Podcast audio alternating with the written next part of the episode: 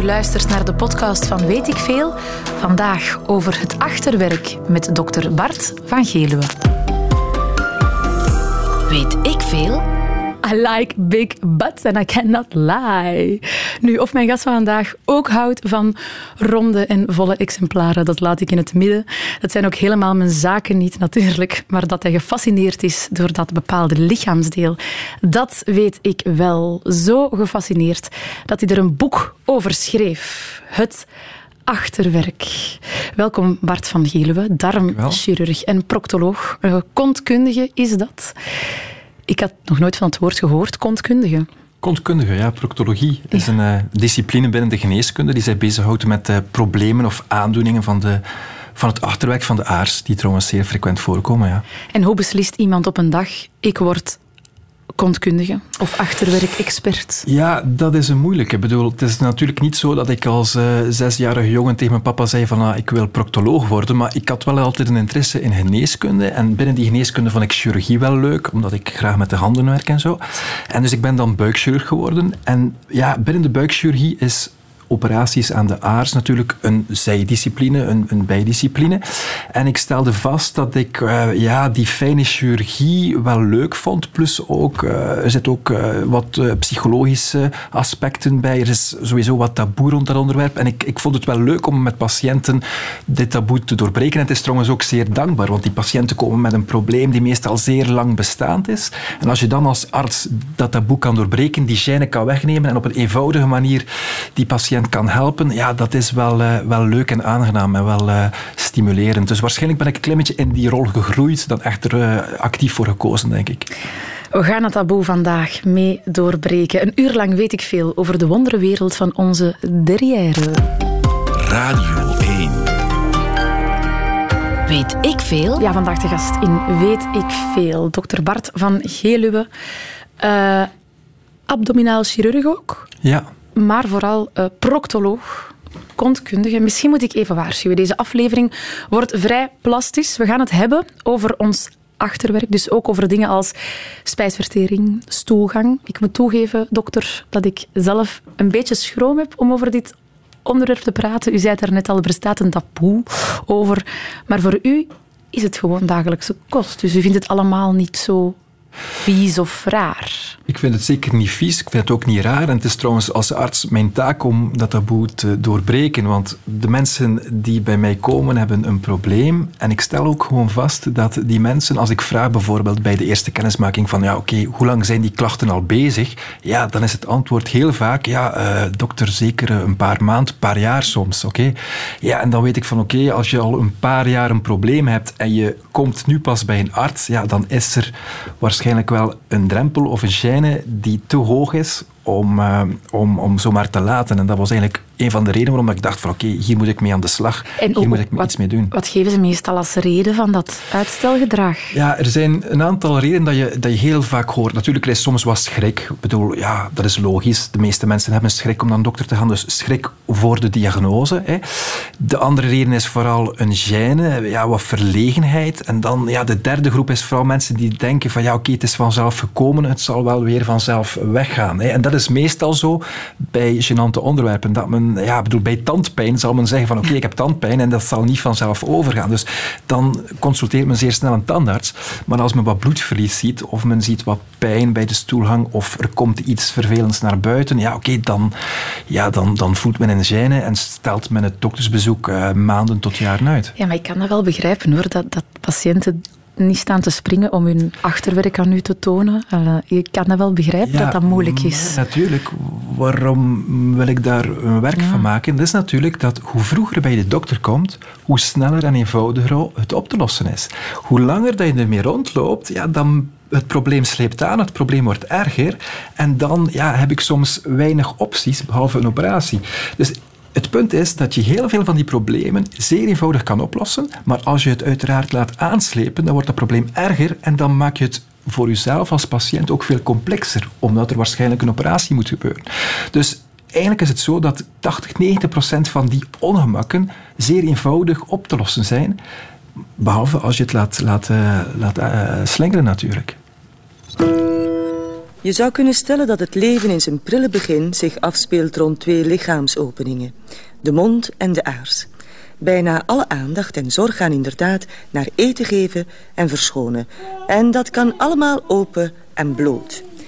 Mond en aars dienen meer dan alleen maar de overleving. Freud sprak van een orale fase en een anale fase in de psychische ontwikkeling van de mens. En een goede bevrediging van de daarbij horende orale en anale behoeften zou noodzakelijk zijn voor een goed psychisch evenwicht later. Maar op volwassen leeftijd gaat er beslist nog veel aandacht naar de mond, maar de aars geraakt min of meer in de taboesfeer. Ja, dokter, de aars raakt min of meer in de taboesfeer. Van waar komt dat taboe eigenlijk? Daar heb ik eigenlijk geen pasklaar antwoord op, omdat ja, typisch aan een taboe is dat er weinig logica achter zit. Dat is voor elk taboe zo. Maar als ik dan nadenk over waarom um, is er rond de aars een taboe, dan ja, moet je onmiddellijk ook um, ja, erkennen dat de aars ook ja, vies is, eh, wat eruit komt stinkt. Hè. Dus ik kan me wel inbeelden dat de hygiënische problematiek bijvoorbeeld een van de redenen is waarom men gezegd heeft van oké, dit is een taboe. Zeker nu in tijden van corona. Ik bedoel, we zijn bezig met uh, handhygiëne en zo. We, we, we, dragen mondmaskers. Dus ik kan wel inbeelden dat de middeleeuwen of uh, onze voorouders wel snapten dat stoelhang natuurlijk niet zo uh, gezond was. Dus waarschijnlijk is dat een van de redenen geweest. Hè. Een andere reden die kan zijn natuurlijk is inderdaad, zoals in het fragment te horen, een klein beetje de psychologische um, achtergrond. Waarom? Omdat ieder van ons moet door die anale fase. En dat is eigenlijk de fase als peuter, ben je twee, drie jaar oud. En dat is eigenlijk de fase waarbij dat je zindelijk uh, moet worden. Hè. Dus je krijgt uh, een beloning of je krijgt applaus wanneer dat je de stoelhang in een potje doet. En je hoort boegeroep of ba wanneer je diezelfde stoelhang in het bad dropt, bijvoorbeeld. Ja, oké. Dus als peuter is dat twee keer dezelfde situatie. Maar toch merk je van waarom krijg ik hier applaus en waarom krijg ik daar boegeroep. Dus dat is een, een, een soort evenwicht die moet gevormd worden. En dat evenwicht is de anale fase. En waarschijnlijk is dat bijvoorbeeld, als dat niet perfect evenwicht is verlopen, zullen waarschijnlijk bepaalde mensen bijvoorbeeld daar een zekere angst of een gêne bij, uh, bij uh, creëren. En die dan natuurlijk op volwassen leeftijd bijvoorbeeld ervoor zorgt dat er uh, ja, wat ongemakken of een beetje geheimzinnigheid rond die aars ontstaat. Ja, en is, is het ook iets cultuurgebonden? Is dat op, of is dat overal in de wereld een, een taboe? Nee, het zal zeker cultureel gebonden zijn. En als we dan zeker denken aan bijvoorbeeld Azië of Zuid-Amerika, bedoel bijvoorbeeld het toiletgebeuren in die landen is ook heel anders dan bij ons. Um, ook anale erotiek is ook heel anders. Ik bedoel daarmee, als we kijken, bijvoorbeeld anale erotiek is ook iets waar een groot taboe rond, rond, rond hangt. Maar ja, daar gaan we het straks nog over Ja, bij Indianen bijvoorbeeld was dat totaal geen taboe. En dan ja, kan je de vraag stellen, ja, oké, okay, wat is de oorzaak daarbij? Dat dat bij ons Westerlingen, Europeanen wel een taboe is. Ja, oké, okay, dan kom je natuurlijk moet je geschiedkundig terugdenken en dan ja, speelt waarschijnlijk het geloof of de katholieke ja. kerk daar ook maar een dat, dat gaat over ja, anale erotiek, maar ik bedoel zo de, de taboe rond ook gewoon uh, de, de, de aard en de functie dat het heeft in ons lichaam. Naar het toilet gaan. Ja. Bij ons wordt dat toch gelinkt aan iets vies. Dat in, in andere landen ook ja, zo? Omdat wij natuurlijk, ons toilet hebben we gemaakt. We hebben een kamertje in ons huis gemaakt, een klein kamertje met een deur. Iedereen had naar het kamertje. Verstopt. In Azië, verstopt. Ja. Dus niemand weet wat er zich daar afspeelt. Het is het meest intieme gebeuren van ons allemaal. Een badkamer wordt vaak gedeeld met de rest van de familie, maar het toilet nooit. Het is zodanig klein. Hè. Dus in, in Azië bijvoorbeeld is het toiletgebeuren, ik zeg nu niet dat ze... Maar je ziet heel vaak dat men bijvoorbeeld openbare toiletten, dat men met drie op een rij of met vier op een rij naar het toilet gaat, hè, bijvoorbeeld. Dus, zonder deur. Zonder deur. Ja. Ik bedoel, oké, okay, men gaat ook in een, in een andere houding naar het toilet. Het is een ander, een andere Gaan we het straks discussie ook nog over hebben, dat is voor straks. Ja, maar je merkt natuurlijk dat dat toiletgebeuren bij ons ja, opgesloten wordt en bij andere culturen veel opener verloopt. Ze vinden het gewoon normaal, de natuur. Waarschijnlijk, ja. U heeft een boek geschreven over uh, ons achterwerk. U Mhm. zegt in uw voorwoord, niemand heeft ooit een boek durven schrijven over de anus. U bent de eerste die dat doet. Het achterwerk heet uw boek. U durfde het zelf ook niet de anus noemen? Te expliciet? Jawel, bedoel, uh, je moet weten dat in principe wordt de titel gekozen door de uitgever. Ja, dus eigenlijk, oké, bedoel, dat is natuurlijk PR en natuurlijk verkoopstrategisch en zo. Hè. Uh, maar mijn werktitel was eigenlijk het anusboek. Ja, dat was eigenlijk op mijn work, uh, Word-document was, was de titel eigenlijk het anusboek. Maar oké, okay, bedoel, dan, dan discussieer je daarover en dan denk je daarover na en dan zeg je van oké, okay, um, ja, dan probeer je een consensus te vinden. En oké, okay, bedoel, uh, het is achterwerk geworden omdat het inderdaad misschien wat uh, de kerk in het midden houdt, zeg maar. Als je een jaar of twee bent, dan mag dat. Dan mag je met je mooiste drol naar je moeder. En als je een lieve moeder hebt, mm. dan zegt je moeder... Jongen, jongen, jongen, wat is dat een grote zeg. Zo'n grote heeft zelfs je vader nog nooit gebakken. Hoe doe je dat nou toch? Oh, oh, oh, wat... En dan opeens, dan, dan na een jaar of drie... Dan moet het kindje zindelijk gemaakt worden. En dan is datgene wat hij vol trots altijd uit zijn eigen lijf... echt, echt een creatief iets, het, het mooiste, helemaal vanuit zijn binnenste... een geschenk voor zijn papa en zijn mama. Dat wordt dan opeens wordt dat uh, weg ermee, de fik erin. Uh. Ja, dan is het weg ermee en spreken we er niet meer over. We hoorden bioloog Midas Dekkers, die schreef een boek, De Kleine Verlossing of de Lust van Ontlasten. Dokter uh, Van Geluwe, proctoloog, oftewel kontkundige. We beginnen allemaal als anus, staat in uw boek. Ja, ik, ik schreef een boek en ik dacht van oké, okay, uh, hoe open ik zo'n boek? Ja. Hè? En het, het, is heel frappant dat, dat de inleiding heb ik eigenlijk het laatste, de laatste dag geschreven, omdat ik toch plots dacht ik terug aan mijn les in embryologie, aan, aan het ontstaan van het leven en zo. En plots zag ik zo precies een flashback. En zie ik plots terug het beeld van een zaadcel en een eicel die samenkomen en die beginnen te delen. En dat vormt een klompje van celletjes. Dat gebeurt vrij snel, na enkele dagen al.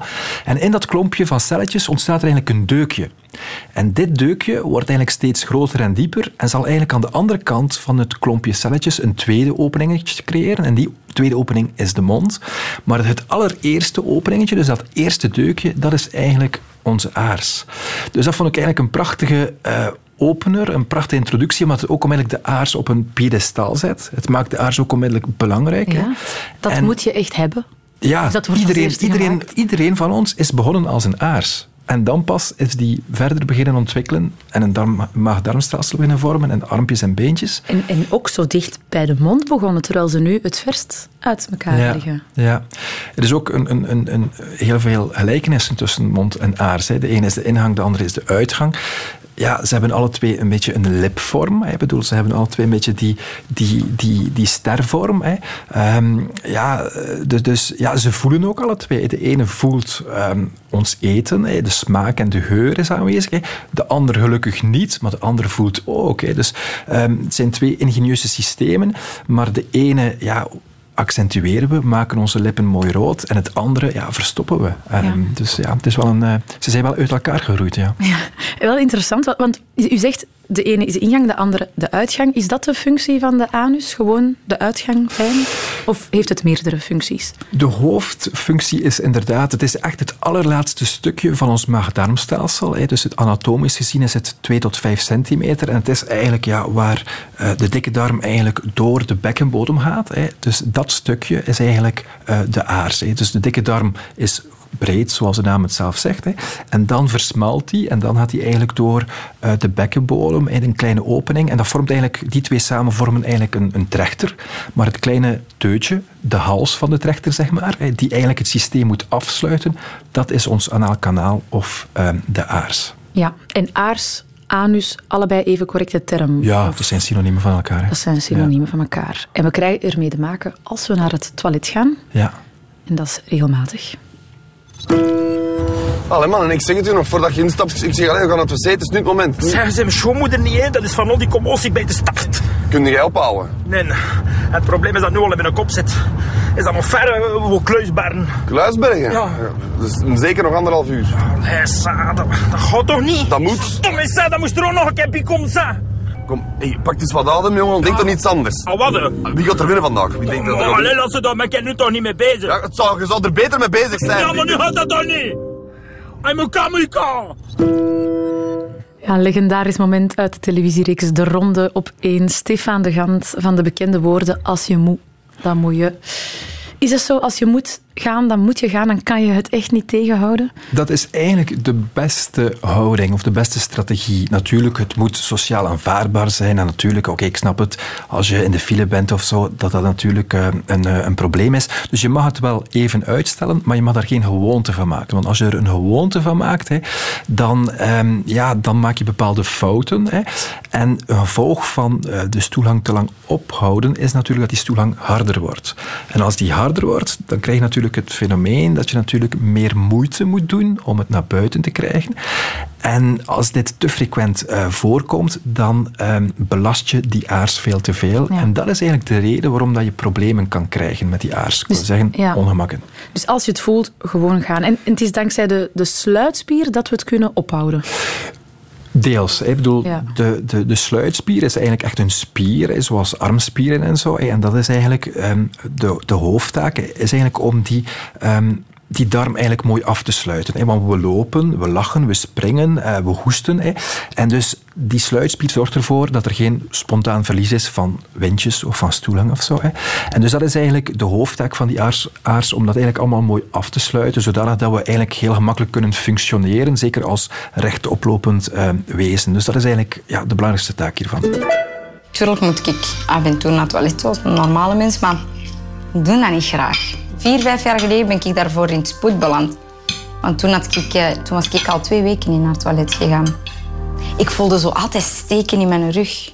En ik dacht dat dat aan mijn nieren lag, omdat ik weinig water drink. En mijn ouders die zeiden, oh, dat ligt aan uw nieren. En uw nieren, je moet naar de dokter. En bij de foto's zei de dokter, kom eens even mee naar mijn computer.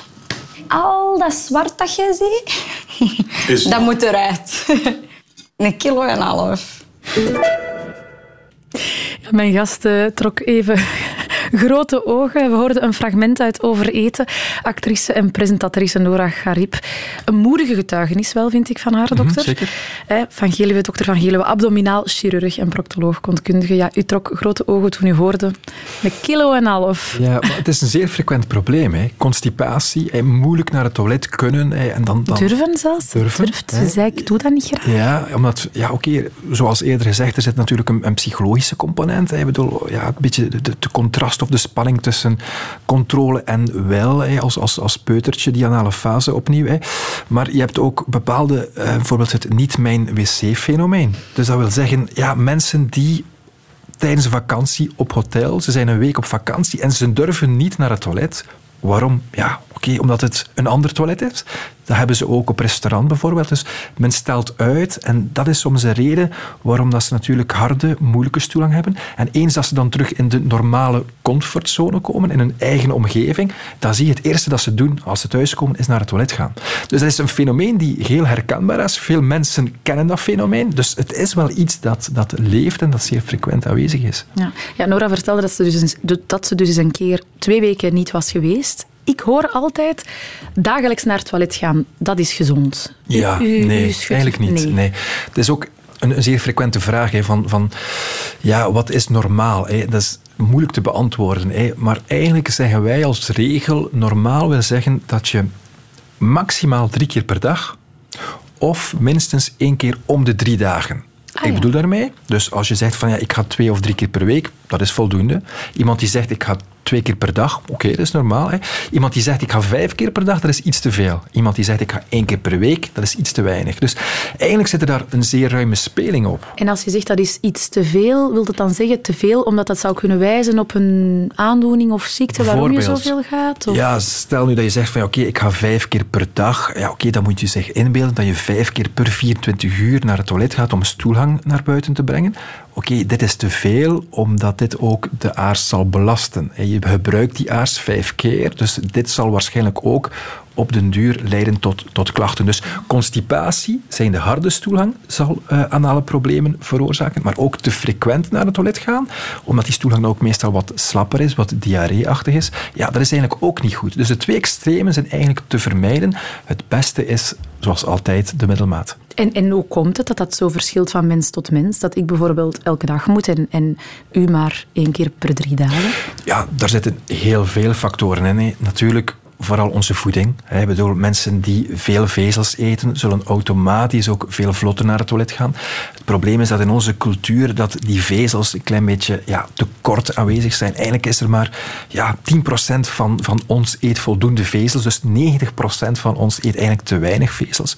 Ehm, ook stressfactoren spelen uiteraard mee. Mensen die ehm, zeer eh, gestresseerd zijn, zullen in principe ook, ook frequenter naar het toilet moeten. Ehm, of, of net het omgekeerde natuurlijk. Door de stress verkrampt men en stelt men dat, uh, dat toiletgebeuren vaker uit natuurlijk. Dus, Dus je dat hebt stress op de maag slaat, dat is echt wel een ding. Ja. bijvoorbeeld, ja, dus er zijn heel veel eh, factoren die eh, het toiletgebeuren eigenlijk zullen beïnvloeden. Ja. En wat is er nu eigenlijk een, zogezegd een, een goede stoelgang? Want ik, ik heb altijd gehoord dat je aan je stoelgang kan zien Ja. Of je gezond bezig bent, of je goed eet. Ja, dat is ook zo. Dus, dus op de raadpleging gebruiken wij ook een soort van een, een schema. Hè. Dat is de, de Bristol Stool Scale. Hè. Dat is eigenlijk een schema eh, die ontwikkeld is in Engeland eh, een, een paar decennia geleden. En dus je ziet eigenlijk zeven types van stoelgang. Hè. Dus het probleem is, als ik vraag aan, aan mijn patiënt van hoe is de stoelgang, dan antwoordt hij altijd normaal. Ja, tuurlijk is die normaal, want die heeft elke dag dezelfde stoelgang. Ja. Maar de vraag is, is dat effectief normaal? Hè? En als je dan die kaart toont, waar zeven eh, tekeningen op staan van verschillende vormen van stoelgang, en dat gaat natuurlijk van, eh, de eerste vorm is echt een slappe brei, een waterige brei, en de zevende vorm is natuurlijk echt keutels. Hè? En daartussen heb je natuurlijk een bepaalde schaal. Hè? En dus... eh, Type 3 en 4 is eigenlijk de mooie worstvormige stoelgang die mooi glad is. Hè. En dit is eigenlijk de normale stoelgang. Ah, ja. Dus En- als de patiënt een type 1 of 2 aankruist, of een type 7, ja, dan zeg je van oké, in principe is je stoelgang niet zo normaal, want eigenlijk had je type 3 of 4 moeten aankruisen. Dus dat is een zeer gemakkelijke manier om te dus communiceren. bijvoorbeeld type 7, wat u zegt, hè, keutels, of type 1, de slappe brei. Als je dat hebt, dan toch best eens naar de dokter. Kan dat wijzen op maag-darmproblemen? Of, Tuurlijk. eh, Dus ja, oké, als dit eenmalig voorkomt, oké, is dat geen reden tot paniek. Ah, ja. Dit kan altijd. Hè, maar als dit systematisch voorkomt, als je zegt van ja, kijk, dit is bijna dagelijks mijn ehm, toiletgebeuren, ja, dan moet je zich vragen stellen. Moet je inderdaad zeggen van oké, ehm, er is iets fout in ofwel uw dieet, of er is een ander medisch probleem die onderliggend is om eh, dat probleem te verklaren natuurlijk. Een eh, vraag van een eh, luisteraar, Lieven, die vraagt... Hoe komt het dat onze eigen stoelgang niet echt stinkt en alle andere stoelgang wel? Omdat je eigen stoelgang zal je waarschijnlijk wel beschouwen als een stuk van jezelf. Ook al weet je van, oké, dit is stoelgang, maar toch heeft ehm, het voedsel ehm, is verteerd geweest. En waarschijnlijk zal je die stoelgang toch gaan beschouwen als, als een deel van jezelf. Hè. En waarschijnlijk is dat de hoofdreden waarom dat je ja, dit bij jezelf minder storend of minder vies vindt dan bij iemand anders. Ik denk dat dat een vrij logische verklaring is. Elk product heeft zijn BV, maar dat is niet waar. Er is één product waar je niemand voor vindt. Er is geen enkele BV die zijn gezicht wil lenen aan aanbijenzalf. Ja, fragmentje uit Zonde van de Zendtijd. Dat is ook iets waar taboe rond bestaat. Hè. Dokter, mensen die zich schamen over aanbijen. Is dat iets om ons over te schamen? Nee, dat is zeker niet eh, om je over te schamen. Integendeel, want ja, we gaan ervan uit dat drie op vier van ons er ooit last van krijgen. Dus 75% van ons krijgen soms in de loop van hun leven een probleem die te wijten zijn aan aanbijen. Dus het is zeer frequent, dus het is absoluut niet nodig om eh, zich eh, hierover eh, te schamen. Want ehm, als ik soms vraag aan de patiënt van oké, wat is de reden van uw consultatie? Dan zegt die patiënt heel vaak, ja, ik heb aanbijen. Hè. En eigenlijk is dat een misverstand, want iedereen heeft aanbijen. Aanbijen zijn bij iedereen aanwezig vanaf de dag dat je geboren wordt tot de dag dat je sterft. Het is een anatomisch gegeven en het is eigenlijk de binnenkant van je sluitspier. Het enige probleem Het is gewoon een lichaamsdeel. Voilà. Ja. Het enige probleem is, dus als je in een anatomietekening de, de, de aars bekijkt, dan zijn die daar aanwezig. Het enige probleem is dat je die aanbij niet mag voelen. Je mag zich daar niet bewust van zijn. Op het moment dat die aanbij te groot zou zijn, op het moment dat die aanbij ehm, te aanwezig is, ja, dan krijg je ongemakken en dan voel je die op een of andere manier. Zijn de bloedverlies, zijn de pijn, zijn de iets die naar buiten wil stulpen. En op het moment dat je zich bewust wordt van het feit dat ze aanwezig zijn, ja, dan heb je eigenlijk een probleem, een medisch probleem. Dus eigenlijk is de bedoeling dat die aanbij daar is, zijn taken uitvoert, maar eigenlijk bedoel, niet opvalt, onder de radar blijft. En dat is de situatie dat we eigenlijk moeten hebben. En dan heb je een normale situatie. Ah, maar ja. vanaf dat die aanbij eigenlijk storend wordt, heb je eigenlijk een afwijkende situatie. Maar dus eigenlijk zeggen, ik heb aanbijen, dat is eigenlijk ook gewoon niet correct. Je zou moeten zeggen, ik heb een aanbijenontsteking. Voilà. Of, ik heb een storende aanbij, of ik heb een grote, te grote- aanbij, of ik heb symptomatische aanbij, of ik heb een bloedende aanbij, Ja. of ik heb een uitstulpende aanbij.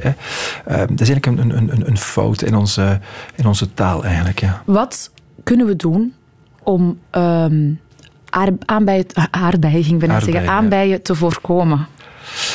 Het allerbelangrijkste is dat we ervoor zorgen dat we vlot naar het toilet gaan. Dus we moeten proberen die stoelhang zacht te houden. We mogen geen harde stoelhang zien. Dus eigenlijk het allerbelangrijkste is goede vezels eten, zodanig dat we regelmatig zachte stoelhang kunnen evacueren.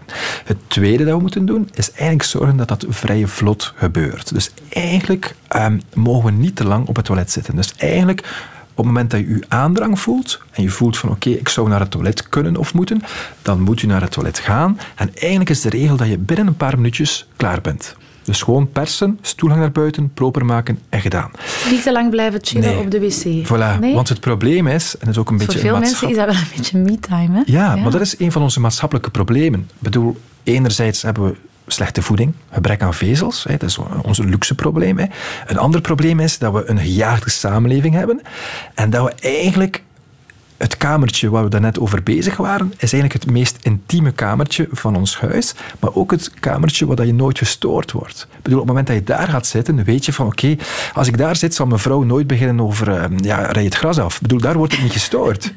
Dus ja, dus het is wel een beetje verslavend om daar een kwartier te blijven zitten en ondertussen de krant te lezen, eh uw e-mails te checken, eh, uw eh, social media te Het is de enige plek waar het echt Voilà. rustig kan. Hè? Voilà, maar eigenlijk is dat ook ehm, een, een, een ongezonde plek. Eigenlijk zou je beter een leuke, eh, gezellige stoel kiezen in plaats van de wc-stoel natuurlijk, als je wat meer... Maar daar word je niet gestoord en op een leuke stoel misschien wel. Dus dat is ook Ja. de reden dat we Maar waarschijnlijk ja. drie op vier Vlamingen zullen ooit vroeg of laat aanbijen hebben. Waarom? Omdat ze te lang blijven zitten op het toilet en onbewust zit je daar en onbewust pers je. En waarom is het... eh, ja, voilà, dat, Ja. dat wou ik vragen. Hoe komt stel, stel, je bent klaar, maar je blijft toch nog een beetje hangen op wc. Ja, omdat je onbewust, je zit daar en onbewust zal je toch druk uitoefenen Ah, ja. op die aars. Ook al zit je gewoon neer, het is door Ja. de positie waarin Voilà. we zitten. En omdat je natuurlijk weet van oké, ik zit daar. Ik bedoel, je zit daar natuurlijk eh, eh, gewoon met de functie. en onbewust zit je daar. En onbewust is de druk op je anaal kanaal, met andere woorden, de druk op die aanbij, die daar al-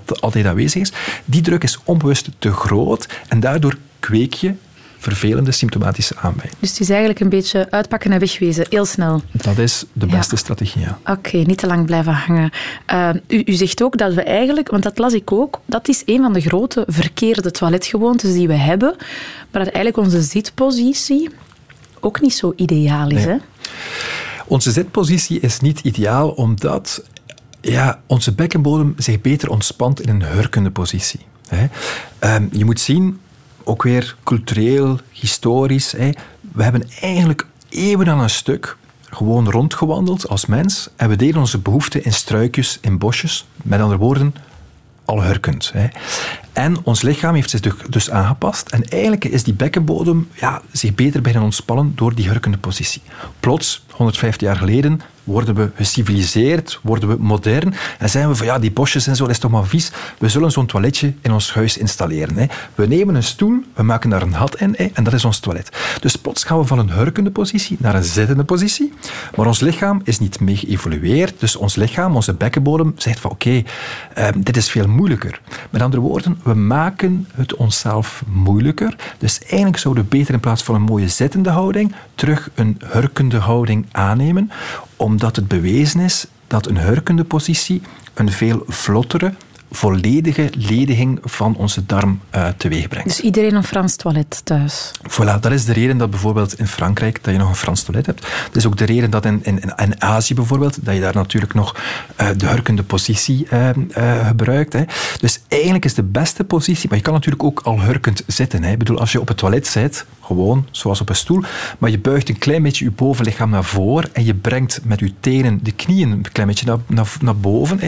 En je brengt eigenlijk de buik tegen de, de, de, de dij. Dan maak je eigenlijk ook in een zittende positie een klein beetje een hurkpositie. Hmm, interessante Een, tip. een andere tip is natuurlijk dat je zegt van oké, ik koop zo'n eh, zo'n ehm, zo'n squat and go. Hè. Dat is een klein stoeltje, een klein, een klein voetbankje. En dat voetbankje... gelijk voor kindjes in de Voilà. badkamer, ja. En dat eh, voetbankje zet je gewoon voor het toilet. Je, je brengt gewoon de voeten op het bankje. En op die manier maak je eigenlijk ook een hurkende zitpositie. Radio 1. Weet ik veel? Weet ik veel vandaag nog altijd mm, over het achterwerk en de anus met mijn gast, dokter Bart van Geluwe, proctoloog, abdominaal chirurg en kenner van alles wat te maken heeft met de uitgang van ons lichaam. U haalde het eh, aan het begin van het gesprek al even aan. Nog zo'n taboe dat leeft, de anale erotiek. Is dat taboe er ook altijd al geweest? Of is dat ook weer veranderd in de tijd? Ik denk dat het, ja, het taboe rond anale erotiek is, is zeker veranderd in de tijd. Ik bedoel, als je, als je terugkijkt naar bijvoorbeeld de Grieken en de Romeinen, maar ook als je naar de bepaalde indianenstammen kijkt, ja, dan zie je dat anale erotiek totaal geen taboe was. Hè. Bij ons, Westerlingen, lijkt dit wel een taboe te zijn. Hè.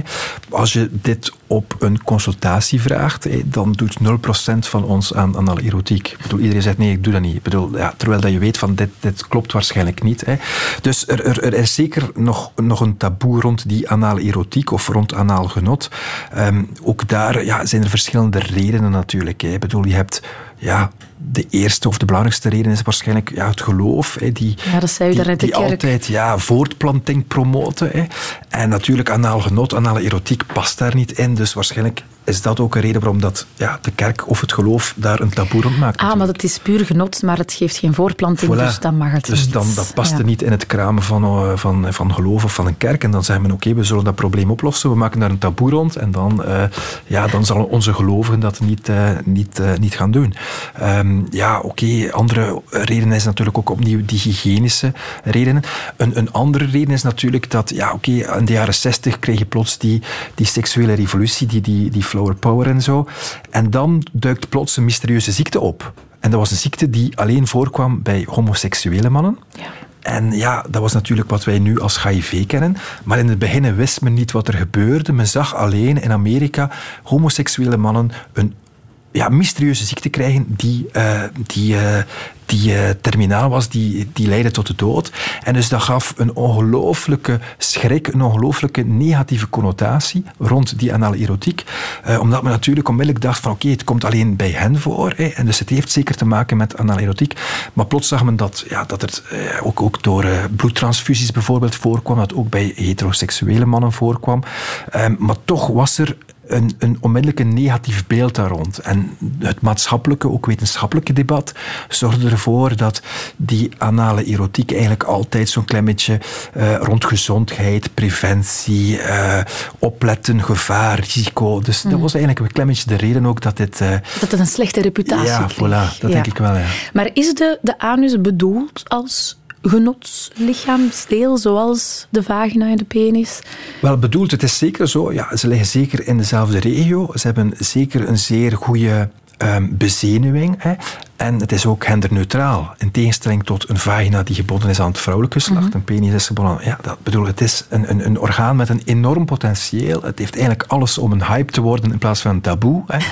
Maar toch... Mooi ja, gezegd. Ja, maar toch, toch merk je dat, dat, dat er nog altijd een, een, een, een groot taboe rond, Ja. eh, rond, die ana, rond Ja. het anaal genot eh, sluimert. Ja, want je hoort toch vaak van, oeh nee, dat is toch wel tegennatuurlijk, dat doet pijn, het is slecht voor de sluitspier, het zou incontinentie in de hand werken. Ja, dat is juist. Ik bedoel daarmee, het mag natuurlijk nooit pijn doen. Ik bedoel, eh, pijn is een symptoom, is een alarmsignaal in alles wat je doet, ook bij de klassieke normale seksuele beleving. Als je pijn ervaart, is er iets fout. Dus Ja. het, het argument van pijn, oké, is een argument die wijst op... eh, u doet iets verkeerd. Hè. Wetenschappelijk gezien, dus als je zegt van oké, eh, wat zegt de wetenschap? Hè, want ik ben een arts, ik moet de wetenschap volgen. Ja, wetenschappelijk gezien is het onduidelijk of dat het goed of slecht zou zijn. Dus je kan Ah, ja. eigenlijk geen enkel argument bovenhalen, behalve natuurlijk dat het wel een hoger risico heeft op seksueel overdraagbare aandoeningen, maar dat is vooral natuurlijk door een slecht condoomgebruik. hè. Dus Ah, ja. als je condoomgebruik ehm, eh, eh, hanteert, ja, is dat eh, hoger risico veel minder. Dus eigenlijk, ja, in mijn boek zeg ik van oké, je moet de drie G's respecteren. Dat wil zeggen eh, dat je een uh, glijmiddel gebruikt, dat je geduld oefent hè, en dat je natuurlijk goede condooms gebruikt. Als je dit respecteert, dan kan er eigenlijk weinig fout gebeuren. Het is eigenlijk speciaal, hè, want we associëren uh, de kont en de billen, net als de borsten, ook met iets erotisch. En het is zo bijna paradoxaal, want we linken het tegelijk ook aan toiletbezoek en vieze dingen. Hè? Dat is zo'n rare... Dat is inderdaad bizar, want ja. je kan evengoed de penis als de vagina ook met een toiletbezoek uh, connecteren. Absoluut. Maar dat doen we op zeker moment Het zit allemaal in ons hoofd. Het, het is allemaal psychologie. Dokter Bart, het is tijd voor de quiz. We hebben nog 50 seconden. We zullen zien hoeveel vragen ik kan oplossen. Maar eens zien of ik goed heb opgelet. Oké, okay, Danira, wat hebben we geleerd vandaag? Eén, wat is de aars precies? De aars is de uitgang van het lichaam. Correct. Dat zorgt voor alles naar buiten. Okay. Ja. Hoeveel mensen hebben ooit in hun leven last van aanbijen? 75 procent. Perfect. Waarom vinden we onze eigen stoelgang uh, minder stinkend? Ja, omdat we die gewoon zijn. We vinden dat normaal. We zien dat elke dag, ruiken dat elke Correct. dag. Wat gebeurt er als we de stoelgang te lang ophouden? Uh, dan uh, dan, dan uh, kun je heel veel problemen krijgen. Hè. Dat is niet goed voor je maag en, en zo, ja, toch? Harde ja. stoelgang. Hard, ah, zo, ah, zo in die zin. Ja, ik dacht ja, okay. En is er overal een taboe rond, rond de aars? Uh, nee, dat is toch wel iets cultureel gebonden eigenlijk. Perfect. 4,5 op 5. Voilà, Zeer goed geslaagd. Dat is mooi. Het taboe is doorbroken. Dikke merci daarvoor, dokter Bart van Geluwe. Morgen over ooievaars. Fijne dag nog. Radio 1. Weet ik veel? Dit is het einde van deze podcast van Weet ik veel. Weet ik veel is trouwens een programma van Radio 1. Op radio1.be vindt u nog veel meer.